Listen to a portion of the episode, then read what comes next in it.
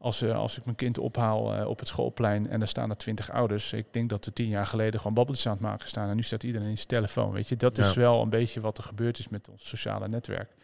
En dat heeft een rol op onze hormonale functioneren en ons welzijn. Dat kan bijna niet anders. Meteen maar even het overstapje maken naar een andere vraag die misschien ook wel komt. Van waarom hebben we zo'n laag testosteron tegenwoordig, ja. 2023? Ja, dat zit voor een heel groot deel in het feit dat we allemaal zwaarder en dikker worden met elkaar. Goeiedag, welkom terug bij een gloednieuwe Sportpoeder podcast. En vandaag zitten we meer met de enige echte dokter Dierik Smit in het prachtige Lood 26 in Boekel. Ben je nog op zoek naar een leuke gym hier in de buurt die niet lijkt op de basic shit? Kan je hier terecht. um, Diederik van de Android Health Clinic. Ja, we hebben zojuist ook een podcast opgenomen over uh, nou uh, anabole steroïden en alles wat erbij komt kijken. Uh, maar ja, dat is eigenlijk pas een vervolgstap, want dat zijn natuurlijk kunstmatige hormonen. En vandaag gaan we het hebben over hormonen. Um, ja, om even een hele brede algemene vraag te stellen. Uh, wat zijn hormonen en welke functie hebben ze in het lichaam? Ja, helemaal bij de basis beginnen. Ja. Hormonen zijn, uh, uh, zijn een soort signaalmoleculen. Um, cellen kunnen niet met elkaar praten. En dus als jouw spiercellen iets moeten begrijpen van jouw hersenen, dan kan dat via, via zenuwen, dus via elektrische stimulatie. Maar hormonen zijn de manier voor weefsels of organen om met elkaar te communiceren. Dus in een hormoon zit een boodschap verpakt. En die, die zorgt ervoor dat er in een orgaan of in een weefsel iets verandert of gebeurt. Dus dat is heel algemeen wat een hormoon doet. Um, bijvoorbeeld neurotransmitters zijn stofjes die ervoor zorgen dat zenuwen met elkaar praten. En zo zijn de hormonen de stofjes die, hè, dus de meer de lange afstandscommunicatie, zie je het als de, eh, de, de, de post. Ja. En in de post zit een brief en die brief eh, instrueert de ontvanger wat er moet gebeuren. Um, en nou, dat is een best wel vernuftig systeem, uh, want er is best wel wat communicatie gaande in het lijf. Daarom heb je ook heel veel verschillende soorten hormonen.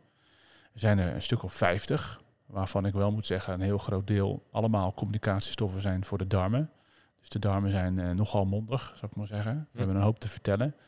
dus als je die even wegveegt, dan hou je een stuk of 15 essentiële hormonen over, waar we het vaak over hebben. Um, en die ook geassocieerd zijn met ziektes ik ben zelf endocrinoloog, dus ik ben hormoonspecialist. Dus een internist die ge, ja, doorgeleerd heeft voor hormoonziektes. Um, en ja, om het even helemaal plat te slaan, er zijn twee soorten hormoonziektes. Je hebt er te veel van of je hebt er te weinig van. Ja. En te weinig is vaak redelijk goed op te lossen, want elk hormoon hebben we intussen wel in een pil of in een spuit zitten. Uh, maar te veel is, uh, dat is lastiger. Hoe kan je ervoor zorgen dat als je te veel hormonen maakt, dat dat je lichaam daarmee stopt. En soms heb je daar nog wel eens de chirurg voor nodig die dan uh, het weefsel dat al die hormonen maakt gewoon weghaalt. Ja, dat is de, de schildklier. Schildklier bijvoorbeeld, of de bijnier, of de hypofyse, of de bijschildklier. Of, nou, er mhm. zijn, uh, zijn meerdere klieren in het lichaam die hormonen maken. Dus die, en het grappige is, hormonen werken vaak in feedback loops. Dus dat wil zeggen, ze hebben een soort thermostaat. Hè? Mm dus je hebt een bepaalde hoeveelheid van een hormoon en er is dan een ander uh, lichaamsweefsel of orgaan die registreert hoeveel je van dat hormoon hebt. En die zorgt ervoor dat de productie van dat hormoon op een bepaald niveau blijft. En als dat dan onder het niveau dreigt te komen dat wenselijk is, dan komt er weer een ander hormoon dat de aanmaak daarvan weer stimuleert. Dus dat is de thermostaat. En elke hormonale as, zo noemen we dat dan, heeft een eigen setpoint. Mm en uh, die feedback loops die zijn altijd wel heel erg leuk om, uh, om te leren. En ook heel erg logisch en begrijpelijk. Dus ja. hormoonziektes zijn, uh, of de hormoonleer in zijn algemeen, het is altijd wel, het is wel complex, maar het is altijd goed te begrijpen als je er eenmaal een beetje op ingaat. Ja, ja want jij gaf aan van nou ja, de, te, te weinig hormonen, nou dat kunnen we bijzetten om het maar zo te zeggen. Ja. Um, en te veel, dat, dat zou je dan moeten, nou ja, dat, daar moet je dan een alternatieve oplossing voor vinden. Ja. Uh, maar wat zijn dan bijvoorbeeld de, de, de, de, kenmerken of wat zijn de gevolgen als je bijvoorbeeld te veel hormonen hebt? Ja. Uh, je hebt natuurlijk heel veel verschillende hormonen, ja, dus dat zal waarschijnlijk ook daar weer een variatie in zitten. Ja, je moet elk hormoon moet je eigenlijk als eigen systeem bekijken. Dus uh, te veel hormonen kan gunstig zijn. Ehm, te veel testosteron hebben we het over gehad, wat het allemaal voor voordelen zou kunnen hebben. Mm -hmm. maar over het algemeen is een tekort of een teveel is niet goed. en er zijn maar heel weinig hormonen waarbij het een positief effect hebt heeft als je er te veel of te weinig van hebt. Dus ja, het lichaam heeft wel behoefte aan goede homeostase en een goed evenwicht van al die hormonen. Maar de kenmerken of de gevolgen die zijn per hormonale as verschillend. En te veel aan schildklierhormoon, dat is vervelend. Want ja, je krijg je hartkloppingen van, je kan ervan gaan trillen, je wordt er gejaagd van. Ja. Je kan ervan afvallen. Uh, even tussen aanhalingstekens kan misschien een voordeel zijn. Maar dat gaat vaak gepaard met zoveel van die andere effecten dat dat maar door weinig mensen als echt voordelig wordt geïnterpreteerd.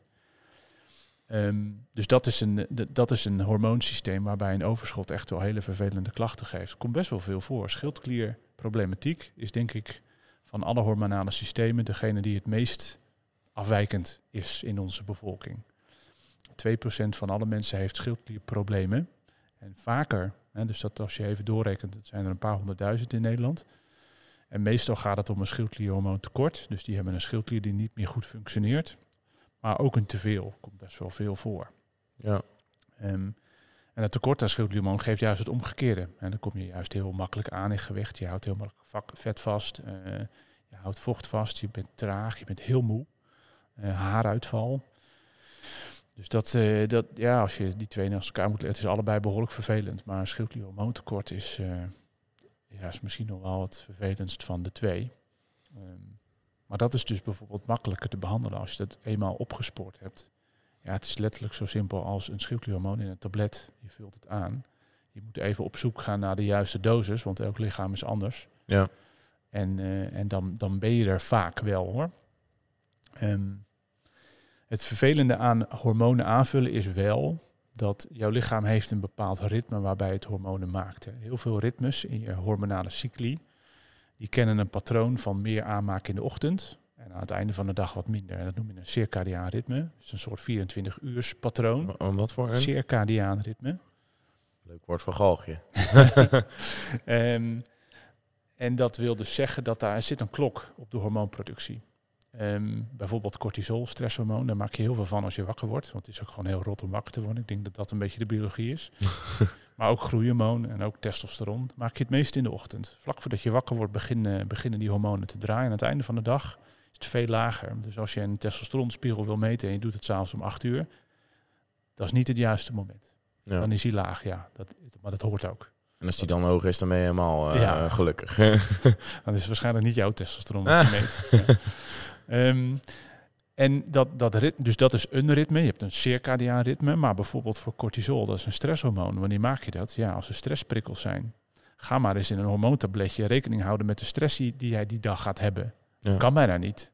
Ik bedoel, uh, ja, als jij iemand bent die niet heel blij is in een file, zoals ik, en je daar behoorlijk opgewonden over kan raken, maar jij hebt uh, geen file in jouw uh, planning staan, ja, dan, dan moet je eigenlijk meer stresshormoon hebben op dat moment om te dealen met de stress die je dan ervaart ja, dan moet je dus eigenlijk een extra tabletje nemen met cortisol.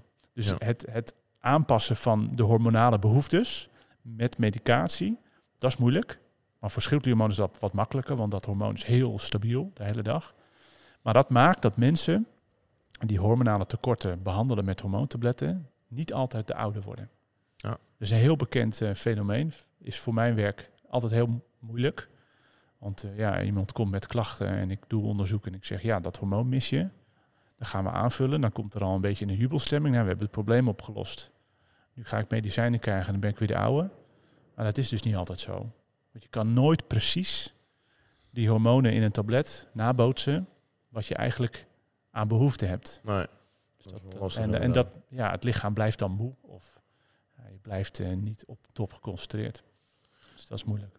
Want eh, als we dan even gaan bekijken wat betreft uh, trends, want hormonen is natuurlijk iets, uh, daar maken wij nu natuurlijk ook een podcast over, omdat nou, mensen willen dat optimaal hebben functioneren, zodat ze het nou, maximale resultaat met krachttraining, maar ook gewoon voor hun gezondheid kunnen behalen. Jij zei dat 2% van alle Nederlanders nou, gedoe heeft met, of hormonale klachten heeft. van de schildklier. Ja, van de schildklier. Um, wat, wat denk jij dat een beetje daar de oorzaak van is? Dat dat zo ja, de afgelopen jaren waarschijnlijk is toegenomen, denk ik. Ja, Mm, heel veel schildklierhormoonproblemen of überhaupt hormoonproblemen zijn auto-immuunziektes. Dus dan uh, vooral voor hormoontekorten, dan heeft jouw afweersysteem, heeft jouw, jouw klier die die hormonen maakt, toch gelabeld als lichaamsvreemd. Mm Zet de aanval in en breekt dat uh, ja, klierweefsel af. Kan je het hormoon niet meer maken en kom je tekort. Les even een vogelvlucht. Hoe bijvoorbeeld uh, schildklierhormoontekort te werken. Uh, auto-immuunziekten zijn van alle, alle tijden. begrijpen we niet helemaal goed waar dat nou vandaan komt. Je hebt een aanleg. Hè, jouw afweersysteem is op een bepaalde manier geprogrammeerd.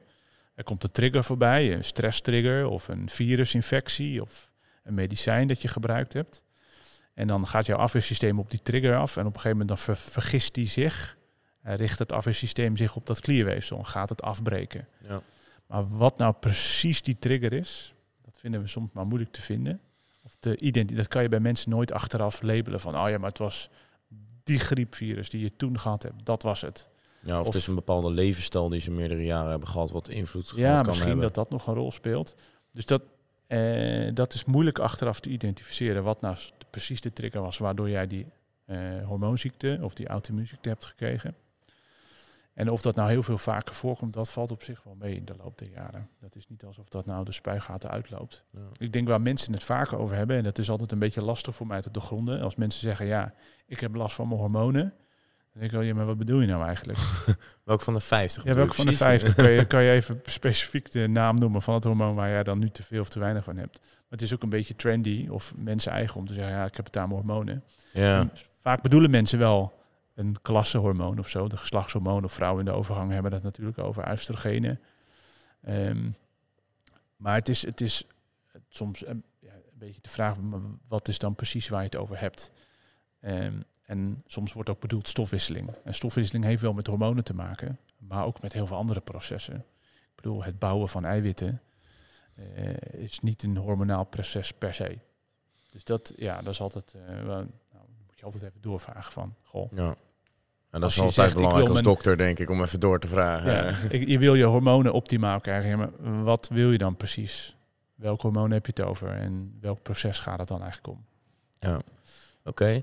Ehm, nou ja, hormonen is natuurlijk best wel een heel uitgebreid uh, onder, of in ieder geval een heel uitgebreid vakgebied, om maar eventjes zo te zeggen. Um, als we dan kijken voor nou, de, de gemiddelde sportpoeder, luisteraar slash kijker, uh, die zijn vooral heel erg geïnteresseerd in, ik denk, een beetje de hoofdcategorieën. We hebben natuurlijk, nou, in de vorige podcast hebben we het over anabole steroïden gehad. Um, nou, dat heeft voornamelijk te maken met testosteron. als we kijken naar een beetje de top uh, qua dat soort hormonen wat invloed heeft op, wij spreken, groei van je lichaam. We hebben natuurlijk testosteron, oestrogeen. Uh, dan hebben we nog eentje, een soort, ook iets met geen. Welke was dat nou? progesteron. Progesteron, ja, die inderdaad. mis ik er dan nog een paar? Ja, als het gaat om groei, ja. doet het echt voor, voor de sporter, wat ja. relevant is. Ehm, ja, dus testosteron en nou, de geslachtshormonen, om het maar zo even samen te vatten. Dus testosteron, oestradiol, progesteron, DHT misschien nog. Groeihormoon is natuurlijk ook een hormoon dat betrokken is bij het opbouwen van spierweefsel en het verbranden van vet. Schildklierhormoon, stresshormoon. Dat zijn misschien ja, wel de belangrijkste hormonen die, uh, die invloed hebben op jouw progressie in de sportschool. Om het zo maar even te bundelen van wat is er nou van invloed op hoeveel succes jij boekt bij je krachttraining nou, dan zijn er uh, hormonen die dat ondersteunen en er zijn hormonen die dat tegenwerken. Uh, hormonen die het ondersteunen zijn uh, testosteron natuurlijk. Mhm. dat geldt voor mannen en voor vrouwen. Oestrogenen, progesteron is allemaal veel minder duidelijk of dat nou helpt. Maar oestrogenen bevorderen in principe ook de spieropbouw. Maar dat is meer voor vrouwen dan relevant dan voor mannen.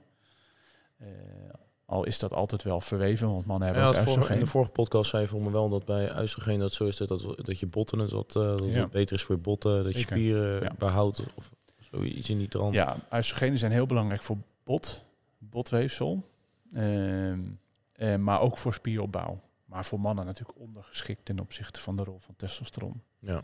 Nou, groeihormoon zelf heeft een belangrijke rol op, uh, op, op, op het aanleggen van spiermassa en, en droger worden. Terwijl stresshormoon is juist tegenovergesteld. Dat is het hormoon dat het misschien tegenwerkt. Dus nou ja, je hoeft niet een wizard te zijn om dan te bedenken dat stress onhandig is als je goede resultaten wil boeken in de sportschool. Um, en insuline speelt denk ik ook een rol. En dan heb ik het met name over insulinegevoeligheid. Dat is wel wat anders. Dat wil zeggen, hoeveel insuline heb jij nodig om 100 gram koolhydraten te verwerken. dus het koolhydraten worden omgezet of afgebroken tot glucose. En het glucose moet de cel en daar heb je insuline voor nodig. Heb je daar 100 eenheden voor nodig? Even heel plastisch. Nou, 10 is misschien een beter voorbeeld. Of 5. Als je vijf nodig hebt in plaats van tien, dan ben je insulinegevoelig. En insulinegevoeligheid betekent dat je dus minder insuline nodig heeft. En insuline heeft namelijk ook nadelen. Het leidt tot meer vetopbouw. Ehm, dus als jij insulinegevoelig bent en dus met minder insuline de dag doorkomt en je maaltijden kan verwerken, dan leg je ook minder vetweefsel aan. insuline wordt ook heel vaak in verband gebracht met spieropbouw. Dat effect is, ja, ik weet dat ik veel bodybuilders altijd een stuip op het lijf jaag als ik daarmee, uh, daarmee begin. Maar insuline heeft best een beperkt spieropbouwend effect. Zeker als je dat vergelijkt met testosteron en groeihormoon. Dus het is heel belangrijk om heel gevoelig te zijn voor insuline en om weinig cortisol te hebben. Nou, wat zijn nou belangrijke redenen of factoren die bepalen dat je heel insulinegevoelig bent en weinig cortisol maakt? Goed slapen. Daar gaan we weer. Goed slapen. Er is een, eh, een, een, proef gedaan bij gezonde mannen van rond de 30. Die hadden een, eh, een gezonde leefstijl met een slaappatroon van gemiddeld 8 uur per nacht. Ben daar jaloers op. Maar hè, dus, dat is netjes. Advies, advies is 7 tot 8 uur. Die werden een week lang gedepriveerd, kregen dan een soort slaapregistratie en die maakten ze wakker na zes uur. Oh. Kregen ze stroomstootjes. Verschrikkelijk irritant. en na een week maakten ze niet alleen de helft minder insuline aan. De capaciteit om insuline te maken was door de helft, maar ze waren ook twee keer zo insulineresistent. Dus als je 25% minder slaapt dan de aanbevolen dagelijkse hoeveelheid, dan word je insulineresistent van. Als je slecht slaapt, dan kan je de dag daarna kan je uit liquor, hersenvocht, kan je touw- en amyloïde-eiwitten vinden die geassocieerd zijn met dementie. Na één nacht. Oh. Het is best wel duidelijk dat slecht slapen niet is, goed is voor je insulinegevoeligheid. Je hebt meer insuline nodig, dus je gaat meer vet bouwen. Het is ook des, heel veel mensen herkenbaar dat slecht slapen geassocieerd is met meer honger. Het slecht kunnen naleven van een goed dieet.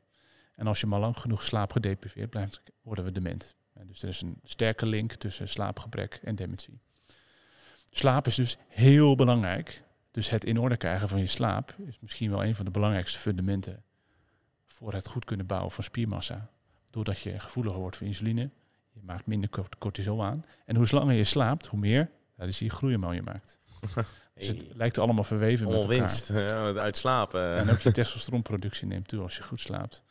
Dus, dat, dus om maar een van de, de pijlers van gezonde leefstijl te benadrukken. En het is allemaal makkelijker gezegd dan gedaan. Ga maar, ga maar acht uur tijd vinden om te slapen op een dag. En zorg er maar eens voor dat dat regelmatig is en voor goede kwaliteit. Zeg ik tegen alle jongens en vaders en moeders. Of met drukke banen. Uh, want als je alle slaapadviezen erop naloopt. Ik denk dat uh, de gemiddelde mensen nog niet eens de helft naleeft. Hè?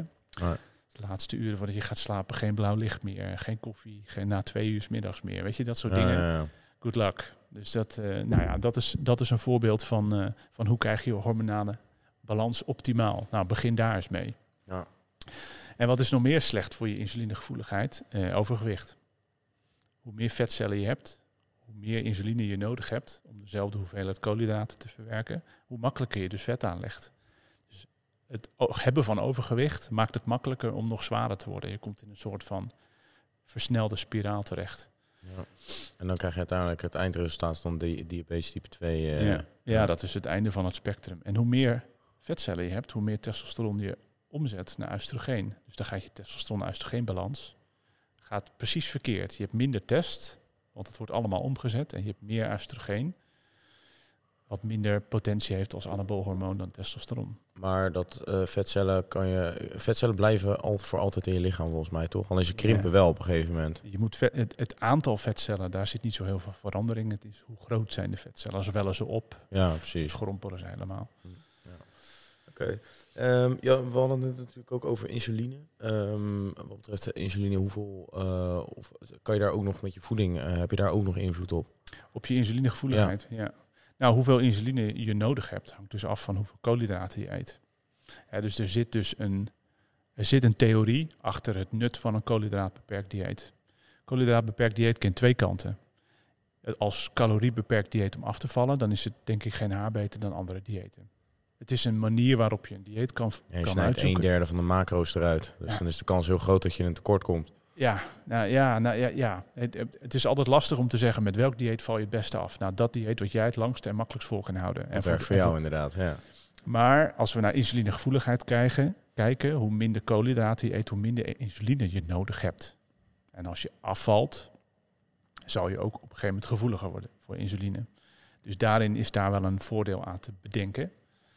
Ehm, dus dat is als het gaat om insulinegevoeligheid. En we weten ook dat als je ketogeen gaat, dat van het maken van ketonen, dan heb je dus een insulineproductie van bijna nul. Want je hebt geen koolhydraten, max 20 gram geloof ik per dag in een dieet. Daar wordt je insulinegevoeligheid ook beter van. Dit is geen advies dat een ketogeen dieet goed is per se. Hè? Maar om op je vraag terug te komen, hè, hoe doe je iets met insulinegevoeligheid? Nou ja, koolhydraatbeperking. Dat doet iets met insulinegevoeligheid. En ketogeen al helemaal. Maar ja, een week lang ketogeen eten is al moeilijk. Laat staan een heel leven. Dus het is niet per se een advies omdat dat dan een heel superieur dieet is voor de sporter. Maar het stukje insulinegevoeligheid wordt er beter van. Ja, je zegt ook, uh, natuurlijk, je hebt het natuurlijk over koolhydraten. we hebben natuurlijk ook verschillende vormen van koolhydraten. We hebben natuurlijk gewoon uh, de, de, schone koolhydraten, om even zo te zeggen. Zoals ja. je bijvoorbeeld uit de rijst kan halen. Uh, maar dan hebben we natuurlijk ook nog um, nou ja, de, de, de, stoute koolhydraten, om even zo te zeggen, waarvan suikers. Ja. we hebben natuurlijk verschillende soorten suikers. Um, dat heeft denk, speelt denk ik ook nog een verschillende rol in, toch?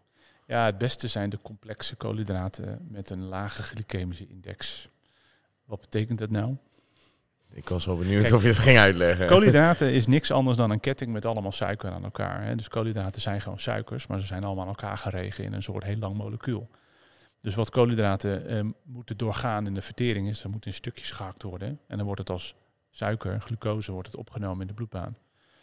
Um, als een koolhydraat uh, niet complex is, dan wordt dat heel snel opgesplitst. Dan komt die hele bak suiker in één keer in je bloedbaan. Moet je veel insuline maken om die piek weg te werken. Het idee is dat als je complexe koolhydraten hebt die meer tijd nodig hebben om gesplitst te worden, omdat ze complexer van structuur zijn of ze zitten verpakt in, in een voedings, uh, uh, voedingsproduct waarbij de vertering überhaupt moeilijker is, dan komt die glucose veel geleidelijker in de bloedbaan en heb je een minder uh, scherpe stijging van je glucosespiegel, heb je relatief iets minder insuline nodig. Dus ja, een dieet met complexe koolhydraten met een lage glycemische index zijn beter dan die makkelijke koolhydraten die hoge pieken geven. Ja, ja want wat, wat krijg je uiteindelijk als je inderdaad, want uh, dat wordt vaak ook gezegd dat je, uh, want als je uh, insuline dan heel erg omhoog gaat, um, dan doet dat ook iets met je bloedsuikerspiegel volgens mij, ja. toch? Nou, je insuline is dus de, het hormoon dat de bloedglucose uit het bloed haalt naar de cellen toe. Het is de sleutel die de poort opent zodat glucose de cel in kan. Mm. Um, dus ja, als je insuline injecteert in iemand die niet eet en een stabiele suikerspiegel heeft, die krijgt een lagere glucosespiegel. Dan komen er allerlei hormonen in werking om die glucosespiegel weer naar boven te helpen. Want het is niet de bedoeling dat je glucosespiegel naar nul gaat, want ja. dan gaat het lampje uit. Um, maar zo werkt de insuline. En uh, zou het ook zo zijn, dat heb ik ook wel eens een paar keer voorbij horen komen, dat als je dan um, dat um, als je veel suikers eet, dat dat ook eigenlijk juist weer die hongerprikkels geeft. Dat je dan weer sneller dat ja. hongerhormoon gaat aanmaken, ja. waarvan je eigenlijk denkt dat je honger hebt, terwijl dat je, nee, je lichaam eigenlijk helemaal nog niet echt honger heeft. Hoe zou het zeggen? Ja, dat klopt. En dat zit hem in het feit dat op het moment dat je een stijging hebt in je suikerspiegel, wat natuurlijk het snelst is naar producten waar suiker in zit. Dat hoeft niet eens verteerd te worden. Het kan gewoon hoppakee je bloed in. Geeft een hoge piek. Dan heb je veel insuline nodig. Insuline is een hongermakend hormoon. Dat is ook een reden waarom bodybuilders het gebruiken. Overigens, lekker honger kom je aan je 6000 kilocalorieën op een dag. dus insuline geeft honger. En vervolgens krijg je een snelle daling van je glucosespiegel van die piek weer terug naar beneden. En een daling van de bloedsuikerspiegel geeft ook honger. Dus het is een quick fix om suikers te eten. Het geeft je snel een soort van korte verzadiging, want je komt wel snel aan je calorieën. Maar de uitwerking is dat je sneller na het eten weer honger krijgt. Ja. Dus uiteindelijk is dat voor een dieet veel minder nuttig als je met verzadiging zit. Hè? Want de grootste uitdaging van een goed dieet is honger. Altijd maar weer honger tussen die maaltijden ja, door. Klopt. Het falen van een dieet komt eigenlijk altijd neer op het niet kunnen volhouden van het weerstaan van je hongerprikkel. Ja, maar dat is dan inderdaad wel een prikkel die je dan enigszins kan voorkomen door ja. uh, suikers te minimaliseren. Ja. Of in ieder geval complexe of die complexe koolhydraten. Ja, complexe koolhydraten inderdaad. Ja, want dus dan eigenlijk, want wat we vaak zien in dat de meeste mensen die zo'n dieet hanteren om af te vallen, die doen dan een 80-20 regel. 80% gezond, 20% ongezond. Ehm, zou, je dan zou jij dan zeggen van je kan dan beter gewoon 100% gewoon volledig gezond doen, zodat je dan niet die uh, spikes krijgt, om maar zo te zeggen? Nou ja, het antwoord op die vraag is eigenlijk je moet doen wat jij volhoudt. Uh, want natuurlijk 100% gezond is hartstikke top. Ik ben heel trots op je als je dat kan. Maar ik geloof niet dat mensen dat eindeloos vol kunnen houden. Je moet naar die balans toe dat, je, dat, dat jij vol kan houden. Kijk, een dieet is niet goed, want het moet een leefstijlaanpassing zijn. En een dieet is per, per definitie periodiek. Maar je wil dat iemand een, een leefstijlverandering doorvoert waar je 100 mee kan worden. Ja. ja, als je 100% gezond eet, gefeliciteerd. Maar als je na een week eh, het niet meer trekt omdat je per se een keer een pizza wil eten, ja, dan heb je dus gefaald. En dan kan je beter 80 om 20 doen, dat je af en toe jezelf eh, wel te goed doet aan uh, de minder verstandige producten. Maar waardoor je wel de volgende dag weer gezond verder kan. Ja. Dus de kern zit hem in de bestendigheid, duurzaamheid van een, uh, van een leefstijl. Hm. Oké. Ehm, ja, want eigenlijk speelt insuline dus best wel, zou dus best wel een hele goede veroorzaker kunnen zijn voor mensen met overgewicht. Zeg maar in de zin van uh, op een gegeven moment krijg je dus dat ze insulineresistent worden. Uh, dat wil je dus eigenlijk niet hebben. Maar als we gaan kijken naar wat we net hadden over dat um, als je te veel suikerproducten eet, dat je dan juist die hongerprikkels krijgt. Dan zou je dus ook denk ik makkelijker in een calorieënoverschot komen. Omdat je toch de dat die prikkel krijgt. En dan op lange termijn zorgt dat dan voor overgewicht. Ja, en overgewicht zorgt voor meer insulineresistentie. Ja, een soort uh, eindeloze neerwaartse spiraal waar je in zit. Ja. Het is niet helemaal vreemd dat zoveel mensen overgewicht hebben. Het zit hem ook in wat krijgen we aangeboden en voorgeschoteld door de maatschappij? Wat hou je in de supermarkt? Alles wat ongezond is, is het goedkoper en het makkelijkste bereiken ligt dan op ooghoogte. Ja, eh, reclame wordt eigenlijk nooit gemaakt voor bloemkool, maar altijd voor, uh, voor Snickers, weet je wel. Ja, zeker. Um, dus de, de prikkels zijn wel uh, uh, all over the place de hele dag door. het geeft, ik heb, we hebben spraken voor deze podcast even over fructose. We zijn evolutionair geprogrammeerd om fructose vet lekker te vinden. Want het geeft ons de vetopslag die we nodig hebben voor de lange winter. Die we niet meer hebben, want we hebben gewoon de hele jaar door de koelkast gevuld. Hè, maar zo zijn we geprogrammeerd.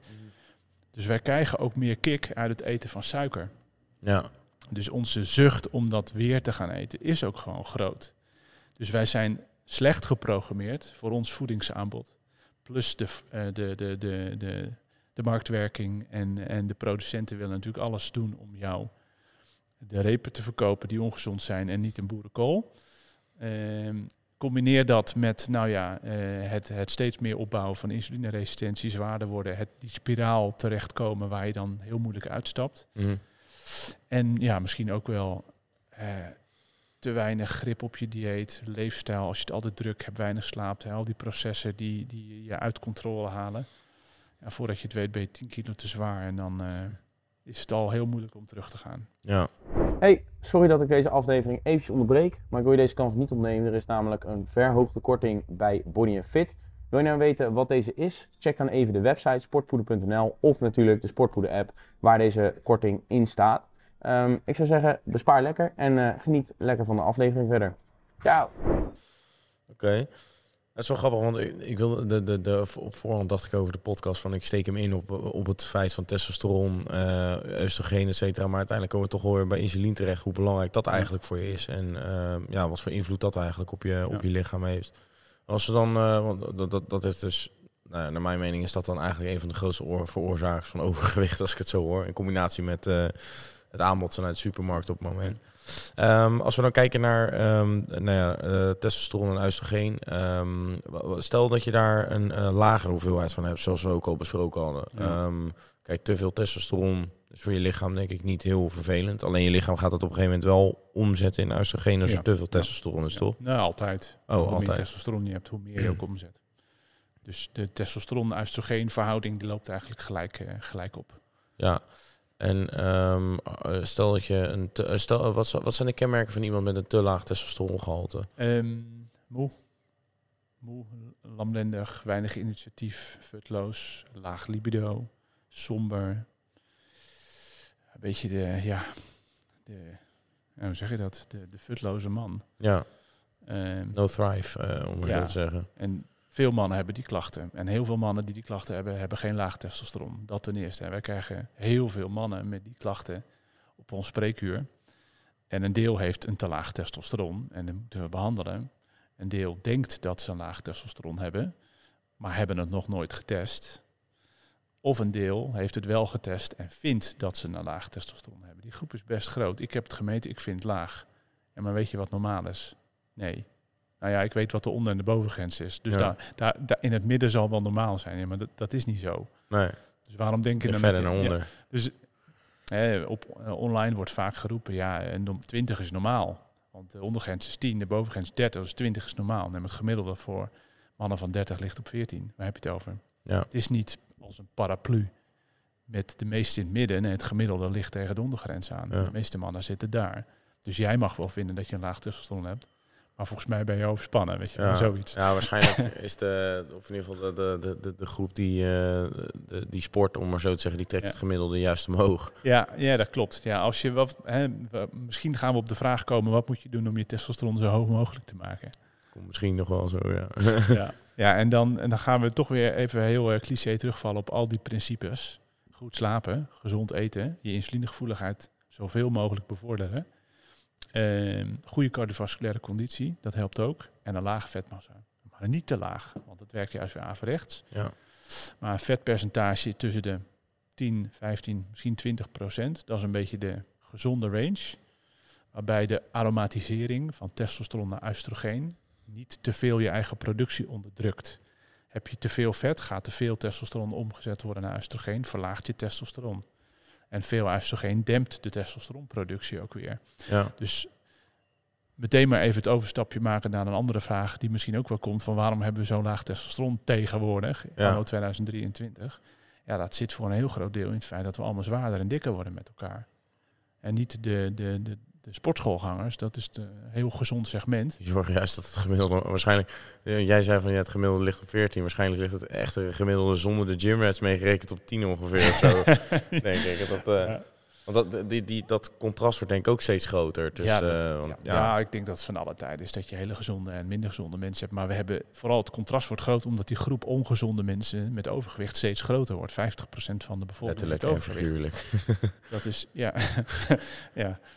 En, de, en dus op populatieniveau zakt ons testosteron, omdat, ja, omdat het aandeel te zware mensen groter wordt, die Ja. een lage testosteron hebben. Als we nou de 100 gezonde sporters van nu vergelijken met de 100 gezonde sporters van de jaren 80, dan is dat verschil veel kleiner. Dus dat, ik, ik weet niet of er geen verschil is. Ik denk dat er op twee manieren nog een verschil is, namelijk de testmethode van vroeger Ja, van het testosteron daar is hebben we het anders dan nu. ook over gehad inderdaad. En er is natuurlijk een heel zorgelijk verhaal omtrent de microplastics en de, de, de oestrogenen in voeding. Die misschien, of in vervuiling, die ook oestrogene activiteit hebben en dus je testosteronproductie naar, naar Wat is jouw eh, visie daarop? Wat, wat denk jij dat dat voor invloed heeft? Ik denk dat het een rol speelt. Ja, Maar ik weet niet hoe groot die rol precies is. ja, ja want wij hebben natuurlijk, uh, JW is natuurlijk geen onbekende voor jou. We hebben het Nee. vaak met hem gehad over inderdaad xeno-oestrogenen, Ja. om maar zo te zeggen. Ja. Eh, waarvan de grootste, of nou, een van de grootste boosdoeners microplastics is, Ja. om maar zo te zeggen. Ja. Ik geloof ook wel dat dat een rol speelt eh, daarin. Ja. Eh, maar ook andere dingen als cosmetica, et cetera. Wat natuurlijk ook allemaal indirect invloed heeft op het hormoonhuishouden. Hoe, denk je, hoe denk jij dat je daar het beste jezelf tegen kan beschermen of ehm, indekken, om maar zo te zeggen? Dat is een goede vraag. Daar kan ik niet zo heel erg goed antwoord op geven. Kijk, ik weet niet waar dat microplastic allemaal nou zo in zit. We hebben natuurlijk de zorg om eh, waar we onze drinken en eten in verpakken. Daar kan je er rekening mee houden. Ja, Glas beter dan plastic, dat soort adviezen. Eh, ik weet ook niet of je alles kan vermijden. Maar ik weet dus ook niet zo goed hoe groot die invloed is. Als we het nou hebben over testosteronspiegel, betekent al die microplastics dat we van 14 naar 13,8 gaan of van 14 naar 12? ja. Ja, ik, weet, ik weet niet zo goed hoe groot die invloed is. Ik Er zijn denk natuurlijk eerder meerdere variabelen die een rol Ja. spelen. en Toename persoon overgewicht. verschillend. Dan, eh, Wat ook lekker oestrogeen is, is cannabis. En we, we roken misschien ook wel wat meer wiet dan vroeger, 30, 40 jaar geleden. Dit is inderdaad ook wel mooi, want ik heb dat toen eens een paar jaar geleden gehoord. Ehm, ik, ik, ik heb een vriend van me die blootbest wil, alleen die heeft ook steeds meer gino. Oh, ja. nou ja, En ik zei, dat konden die cannabis, want dat, is, eh, dat, dat heeft een oestrogene werking. Maar Ja. kan, kan het zo zijn dat je, zeg maar, omdat, eh, heeft cannabis een negatieve invloed op je hormoonhuishouden? Ja, nou daarom dus. Ja, dus ja, want, je, je- want het heeft een meer oestrogene werking, dus je testosteron kan daarvan omlaag gaan Juist. bijvoorbeeld. Ja. Dus dat zou eigenlijk kunnen, ervoor kunnen zorgen dat als je regelmatig bloot, dat je daardoor minder progressie boekt in de sportschool. Ja, precies. maar kan het ook zorgen voor Gino? Ja, zeker. Noah, deze was voor jou. ja, en de meeste mannen, want ik, heb, ik heb, moet zeggen, ik, ik kan ze niet op twee handen tellen hoe vaak ik uh, uh, mannen op het spreekuur heb met gynecomastie door cannabis. En dan bedoel ik niet op twee handen tellen, want het zijn er meer. Uh, en ik denk dat het verreweg de meeste van die mannen me echt aankijkt alsof ze water zien branden als ze vertelt dat cannabis gynecomastie kan veroorzaken. Want hoe, hoe gaat het precies in zijn werking? Omdat het is natuurlijk iets wat je in een leerjaar roken is natuurlijk sowieso slecht voor je. Maar cannabis wordt dan vaak gebruikt door mensen om nou, beter tot rust te kunnen komen. Om maar zo te zeggen, ze slapen er beter van. Ja. Of ja, je wordt er zo stoned als een garnaal van. Maar wel, hoe, hoe gaat dat in stappenplan in zijn werking, zeg maar? Hoe dat leidt tot gynecomastie bedoel ja. je? Of... Ja, ja, of eigenlijk gewoon waarom het een oestrogene werking heeft. Ja, omdat de, de stof zelf affiniteit heeft voor de oestrogeenreceptor. Dus dan wordt er iets in je lichaam getriggerd. Het, ja, meer... het, het bootst gewoon het effect van, net als die xenoestrogenen. Dat zijn ook stofjes die binden aan de oestrogeenreceptor. Dus die doen oestrogeen na en hebben daardoor een testosteronverlagend effect. Oestrogenen zijn eh, de, de rem op jouw testosteronproductie. Hm. Dus hoe meer je daarvan hebt, ofwel door xenoestrogenen, ofwel door fytoestrogenen, soja. soja. Ofwel door overgewicht, doordat je zo meteen even terugkomen. ja, ja, ja. um, dat speelt allemaal een rol. Of, of de cannabis zelf. Kijk, ik snap, ik snap het, hè, want THC en CBD uh, zijn uh, stoffen waarvan, nou in ieder geval CBD wel de indruk bestaat dat het misschien de slaap echt kan bevorderen op een manier zonder dat het de slaaparchitectuur verstoort. Mm -hmm. En dat is altijd belangrijk. Hè. Je hebt slaapmiddelen, maar ik bedoel, iemand knock-out slaan die na drie uur wakker wordt, die heeft niet drie uur lekker geslapen. Dus als je knock-out geslagen wordt door een slaappil, dan heb je geslapen, maar de slaapkwaliteit is heel slecht. Maar jij denkt wel dat je geslapen hebt. Op zich kan dat natuurlijk positief. En voor THC is dat zeer twijfelachtig. Maar voor CBD zijn de studies die tot nu toe gedaan zijn, zijn best wel positief. Maar er werkt ook weer niet fantastisch. Dus er zit wel achter cannabis iets van, ik snap dat het rustgevend kan zijn en dat misschien je slaap helpt. Maar het heeft ook gezondheidsnadelen. Dus het is veel interessanter om die stoffen te isoleren en misschien apart te gaan gebruiken. Um, maar je vraag was? Nou ja, je wilde het over meer wat voor invloed dat, zeg maar, hoe, hoe dat tot, tot werking ja, komt. Maar zoals je zei, het boost gewoon je, je oestrogeen, om maar zo te zeggen. En toen zei je ook nog iets over soja. Um, want dat is inderdaad ook iets... Um, nou ja, je soja is hip and happening.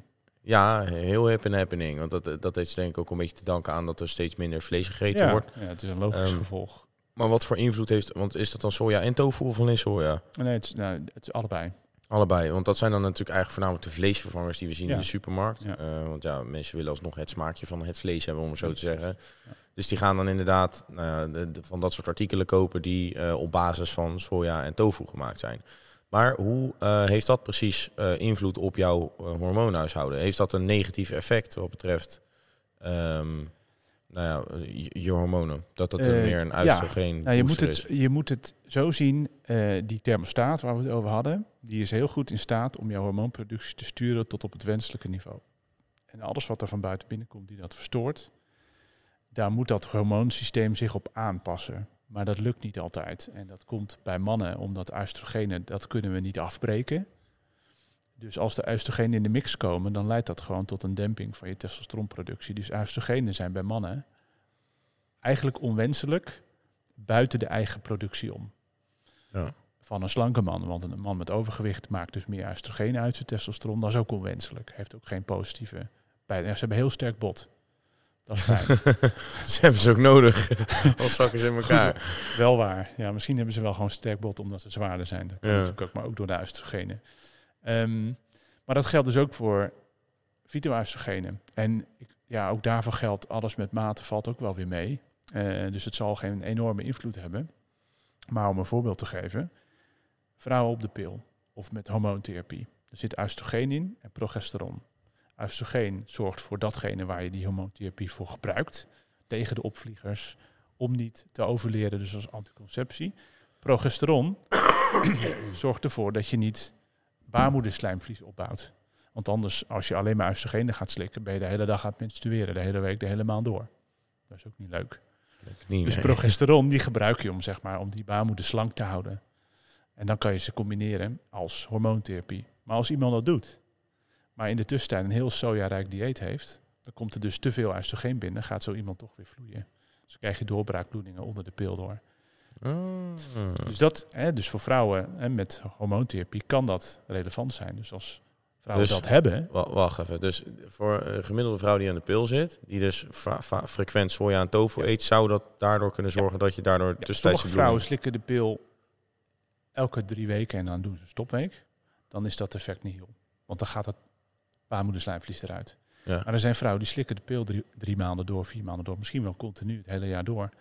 Als je dan doorbraakbloedingen hebt, dus je krijgt bloedverlies ondanks dat je de pil doorslikt, dan moet je eens afvragen, hoe zit het met mijn Ja, dat zijn waarschijnlijk xenoöstrogenen die daar een rol in spelen. Ja. Dus voor mannen dempt het testosteron en voor vrouwen kan het hè, verstorend zijn. En zelfs als je heel veel oestrogenen op een normale gezonde cyclus zonder de pil, dan zou dat tot verstoring van je menstruatiepatroon kunnen leiden. Ja, wij maken altijd een geintje dat als je vegan of vegetarisch bent, dat je dan een soort nou ja, kleinchestigheid hebt. Maar dat, is- dat kan dus wel. Nee, maar, maar buiten natuurlijk het aminozuurprofiel, wat anders is van eh, plantaardige eiwitten ten opzichte van dierlijke eiwitten, wat al een nadeel is, omdat je dan vegan of vegetarisch bent, heeft het dus eigenlijk ook nog een negatief effect op je hormoonbalans. Ja. Of nou ja, nee, het, het Ja. is maar wat je wil. Maar eh, optimaal voor de sportschool is het dus eigenlijk niet. Achter de komma wel. Ja, hm, oké. Hey, en dan, eh, ja, je, je maakt wel een mooi, brugje naar de pil. Dat vind ik ook een interessant onderwerp, omdat eh, nou, we hebben wel vaker dit eh, onderwerp besproken. We zien ook, nou ja, dat is ook wel een beetje een opkomende trend dat heel veel dames eigenlijk stoppen met anticonceptie en nou ja, overgaan op natuurlijke menstruatie. En dat ze dan hun baarmoedervlies temperatuur meten volgens mij, Oh ja. of iets in die trant. Ja, periodieke onthouding. Ja, wa- wat, eh, wat is jouw opinie op de pil? En eh, in hoeverre dat, want het is eigenlijk in de afgelopen jaren best wel makkelijk voorgeschreven Ja. volgens mij eh, door huisartsen. Terwijl dat, dat natuurlijk eigenlijk best wel een, een invloed heeft op het, Ja. het vrouwelijk lichaam. Zeker. Ja, anticonceptie op zich is goed, hè? want eh, we hoeven niet allemaal tien kinderen. Dus laten we daar beginnen. Maar van alle anticonceptiemethoden is de pil er één en er zijn er heel veel. En je moet vooral die vorm kiezen die het beste bij past. En de pil heeft eh, voordelen en nadelen. Eh, en ik denk dat voor iedereen die afweging anders is. Ehm, wat de pil doet, het is een relatief hoge dosis oestrogeen en progesteron, waardoor je eigen productie naar een lager niveau komt, waardoor je geen ijsprong krijgt. Voilà, je kan niet zwanger worden. Maar je hebt wel een relatief hoge dosis. Het is een soort van TRT voor mannen, maar dan net iets Ja. te veel. Ehm, en omdat je wat hogere doseringen hormonen hebt, kan dat bijwerkingen geven. Eh, Je kan, eh, je kan er hoofdpijn van krijgen, je kan er gevoelige borsten van krijgen, je kan vocht gaan vasthouden, je kan stemmingswisselingen krijgen, laag libido, want je testosteronspiegel wordt lager onder de pil. Eh, wat ook een voordeel kan zijn. En dat, eh, dus het, het voordeel van de pil, nou, het is een anticonceptievorm en hij is best betrouwbaar. Vrouwen die, eh, die heel veel menstruatieklachten hebben, die hele pijnlijke lange menstruaties hebben, ja, die, als ze die pil erdoor slikken, hebben ze die niet. Ja. En als vrouwen PMS hebben, dus elke ja, laatste week van de maand bokzagrijnig door huis lopen en eh, het leven van hun partner zuur maken, ja, die hebben dat ook minder als ze de pil slikken. Dus dat zijn, hè, dan, dan zou ik zeggen, dan is dat, hè, als je ook nog eens geen bijwerkingen hebt, ja prima. Er zijn wat ernstigere bijwerkingen. Je hebt iets meer risico op trombose. Maar als je gaat kijken hoeveel mensen krijgen er nou trombose van de pil, gaat het om 1 op de 10.000 of zo. Dus dan moet je ook wel een beetje relativeren. En hetzelfde geldt voor borstkanker. Hè. Formeel heb je iets meer kans op borstkanker als je de pil gebruikt. Ook daar gaat de kans van, eh, nou ja, normaal krijgen eh 1 op de 9 vrouwen krijgen borstkanker. Dus echt 12 op de 100. Nou, dat worden er 13 op de 100. Ja. Ja, dus dat, dat, het is nog steeds veel, want je wil het liefst dat niemand het ervan krijgt. Ehm, maar je moet het ook weer niet groter maken dan het is. Dus je moet alles in, dat, in die besliskader van, nou, wat doet het voor mij? Wat heb ik eraan? Als jij eh, prima met een condoom vrijt, of eh, het geen probleem vindt om een implantat te hebben, of een uh, Nuvaring, of een, uh, een prikpil, of gewoon helemaal niks. Of periodieke onthouding, of trek hem voor het zingen de kerk uit. Allemaal prima. Dan heb jij dat anticonceptievraagstuk opgelost. Trekken voor het zingen de Sorry. ja. Dat zegt iets. Nee, nee, dat nee. iets. Ja. Dat zou ik ook eens moeten doen.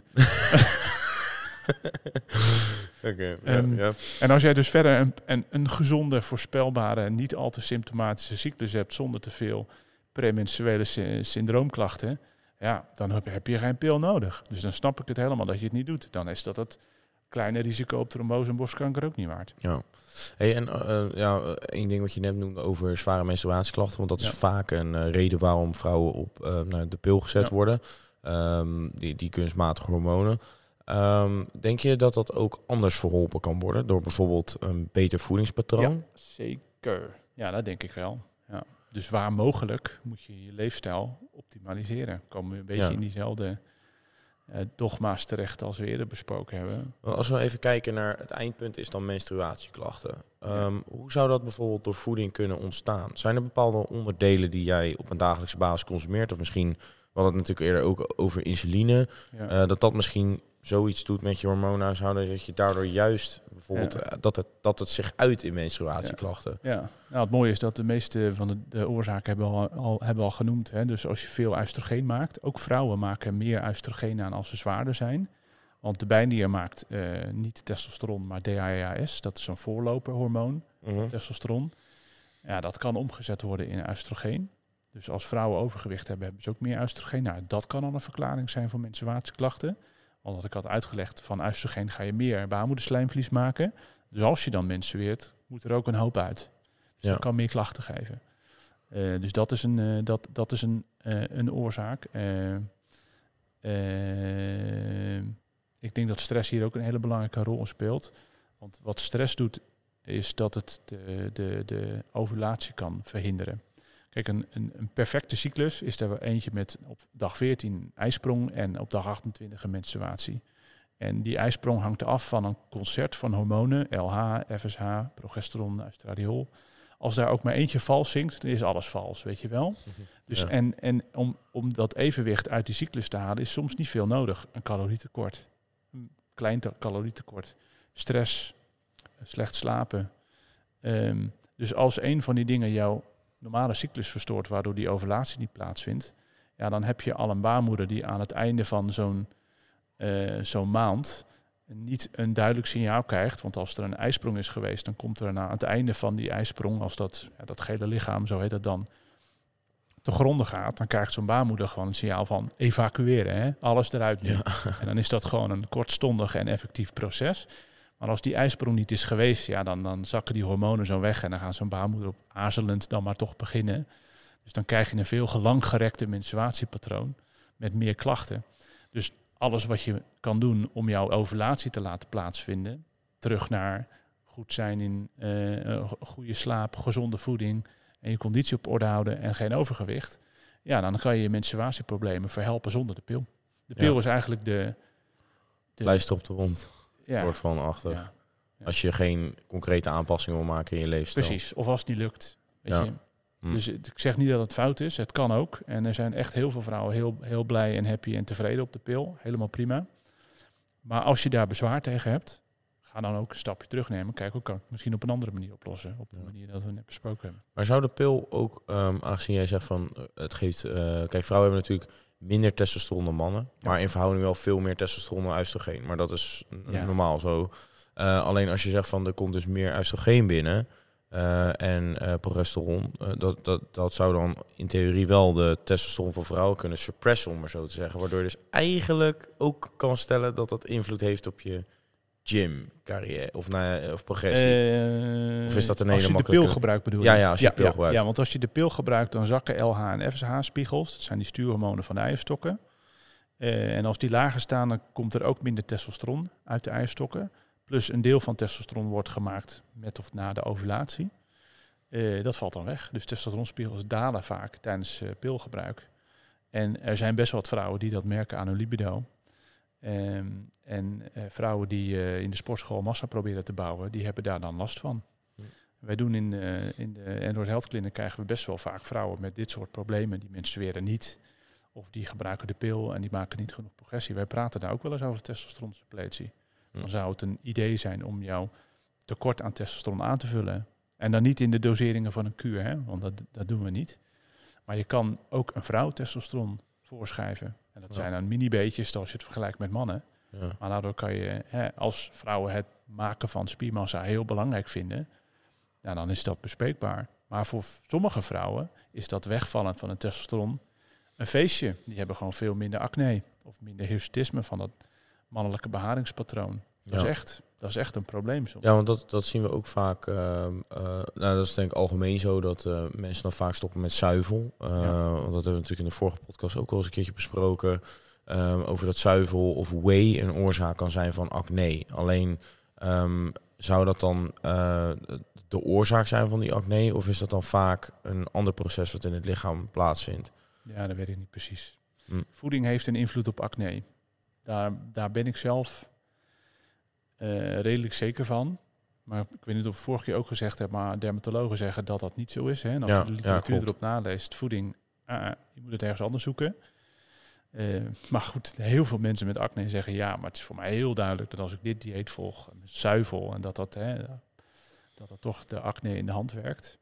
Maar hoe dat dan precies zit, dat kan ik al helemaal niet goed. Ja, misschien dat het iets met talgproductie doet. Misschien, ja, misschien dat het net die druppel is die de emmer doet overlopen, waardoor je dus uiteindelijk als resultaat die, uh, die acne uh, kan krijgen. Acne is een, een, kwestie van te veel talgproductie. Je hebt bacteriën in de huid die je eigenlijk niet wil hebben. Je hebt ontsteking in de huid en je hebt te veel huidcellen. Dus één van die vier processen. En misschien dat het met talgproductie of met ontsteking te maken heeft, dat dat, door, ja, dat, dat verhoogd wordt door zuivelinname. Ja, oké. Ehm, dan nog iets wat op dagelijkse basis vrij veel geconsumeerd wordt. Alcohol. Ehm, dat oh, heeft ook best wel een invloed op het hormoonhuishouden volgens mij. Ehm, zou dat ook een van de oorzaken kunnen zijn voor een lager testosteron bijvoorbeeld? Ja. Uh, hoe werkt dat precies?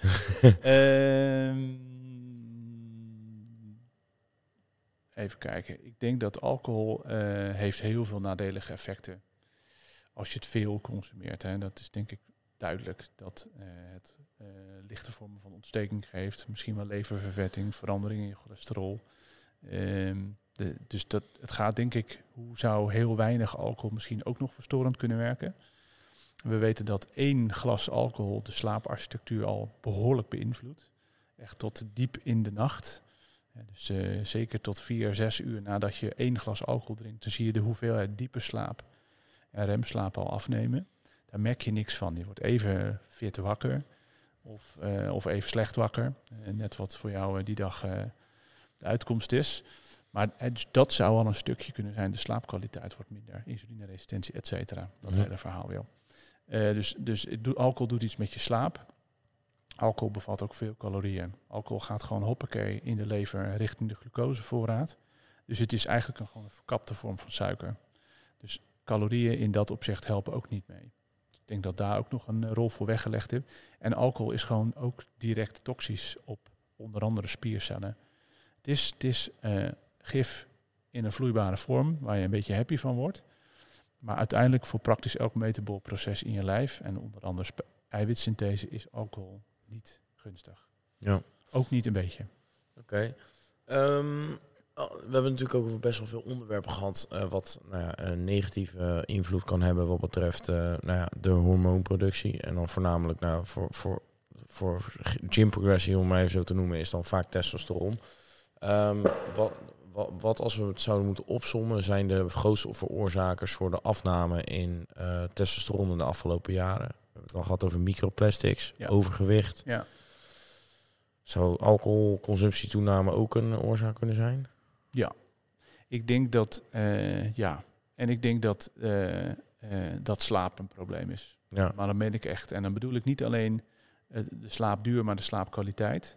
Als we kijken naar wat sociale media doet met mensen en hun telefoon. Hè, tot, tot, tot de laatste seconde voordat je gaat slapen ligt die telefoon in je handen. Dat heeft echt invloed. Er zijn wat studies gedaan in het Verenigd Koninkrijk waarbij ze tieners van 18, 19 jaar hebben bevraagd van hoe vaak word je s'nachts wakker om je telefoon te checken dat ligt op 80, 90 procent. Ja. Uh, dat, dat doet iets met slaapkwaliteit. En slaapkwaliteit op die mate verpesten door dat je een constante subconscious trigger hebt van ik krijg een berichtje, ik moet iets checken. Een soort awareness die je misschien wel herkent als je een vlucht moet halen. Ja. Dat je dan een keer een kwartier voor de wakker, wekker wakker wordt van oh, maar ja, ik moet de vlucht. Dus, dus je slaapt oppervlakkiger Doordat er constant een soort van proces in je hoofd gaan is van ik mis iets. Er is iets wat belangrijk is voor mij. En vroeger, vroeger, kwam je thuis, je had een telefoon en er hadden dan twee mensen op aarde hadden jouw nummer. Je was onbereikbaar via de telefoon, er was nog geen e-mail. Je ging thuis eten, op de bank zitten, je ging een boek lezen of je ging televisie kijken. De prikkels gingen gewoon naar nul. En nu gaat dat de hele dag door. Dus ik denk dat dat voor jouw brein, de constante belasting op jouw cognitieve vermogen en je slaapkwaliteit echt compleet verrot is geraakt de afgelopen decennia. Ik zie dat echt als een groot probleem voor het aantal burn-outs, de belastbaarheid die we hebben, uh, sociale isolatie, uh, de afnamekwaliteit van sociale interacties, mensen die goede banden hebben uh, via een app, maar niet meer weten hoe ze live met elkaar sociale interactie of een praatje moeten gaan maken. Als, als ik mijn kind ophaal op het schoolplein en er staan er twintig ouders, ik denk dat er tien jaar geleden gewoon babbeltjes aan het maken staan en nu staat iedereen in zijn telefoon. Weet je, dat is wel een beetje wat er gebeurd is met ons sociale netwerk. En dat heeft een rol op onze hormonale functioneren en ons welzijn. Dat kan bijna niet anders. Ja, dus dat zijn eigenlijk de vier de meeste trigger points ja. uh, voor de. Ja. Dus ja, dan is denk ik de afsluitende boodschap om daarop te letten. Ja, denk ik wel, ja. Ja, ja en het, voor zover dat dat mogelijk is. We weten allemaal best wat goed voor ons is. Maar de kunst is uh, om het te weerstaan. Ja. Maar als je tegen de telefoon weg om acht uur s avonds. Ja, eh, ja, ja het, is, het is ook meer hoe druk je je maakt om die prikkels. Die, of in ieder geval ja, de, de prikkels bepalen hoe druk je je erom maakt. Ja. het is inderdaad ook hoe erg laat jij je telefoon jou, je leven beïnvloeden, om maar zo te zeggen. En die smartphone bestond tien jaar terug niet. Nee. Letterlijk. Dat klopt.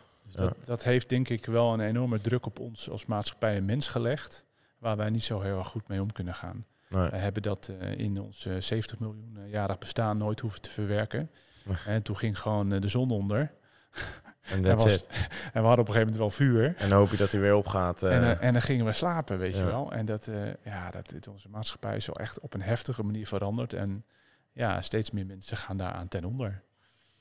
Ik denk dat dat de reden is dat, dat er meer stress, meer burn-out. En dus ook op hormonaal vlak minder testosteron, meer overgewicht, et cetera. Dat ja. het echt allemaal wel verbonden is met elkaar. Ja, dus probeer daarop te letten. En als vijfde punt, uh, voeding. Dus als je deze podcast kijkt na acht uur s avonds, ben je af. Oei, dan heb je verloren. Ten, tenzij dat het in een donkere kamer is, zonder prikkels. Met een blauw, blauw lichtfilter. Ja, precies. Dat. Dan, uh, ja, of ze zijn hem aan het luisteren via Spotify. Dat, ah, dat is goed. Dan, mag het nog. Dus dat, uh, um, nou, Diederik, ik wil jou weer hartelijk bedanken voor jouw uh, ja, kennis, gastvrijheid en aanwezigheid om hier aanwezig te zijn. Um, ben je nou aan het luisteren via Spotify? Laat even vijf sterren achter. Ben nou aan het kijken via YouTube? Laat even een blauw duimpje uh, omhoog en klik op die prachtige abonneerknop. Um, ja, volg uh, de Android Health Clinic uh, op, op Instagram. mocht je daar terecht willen voor een consult of nou, medische assistentie. Ik wil Lood26 bedanken voor de gastvrijheid in de geweldige gym hier in Boekel. En nou, tot de volgende keer weer. En ciao. Stel je voor dat je gewoon supplementen bestelt en dat het daarbij blijft. Nou, bij sportpoeder is het natuurlijk heel anders. Want bij ons is het zo dat als je supplementen bestelt, maak je ook nog eens kans op 10 keer een cashback elke maand. Dat wij jouw bestelling volledig terugvergoeden. Het enige wat je daarvoor hoeft te doen, is via de Sportpoeder app je aankopen te doen. En sterker nog, daar staan ook nog eens kortingen in. Dus daar bespaar je mee en je maakt ook nog eens kans op de cashback. En je helpt ons ook met onze leuke content te maken waar jullie zo van houden. Ik zou zeggen, download de app en geef je op voor de cashback en geniet ervan. Bespaar lekker!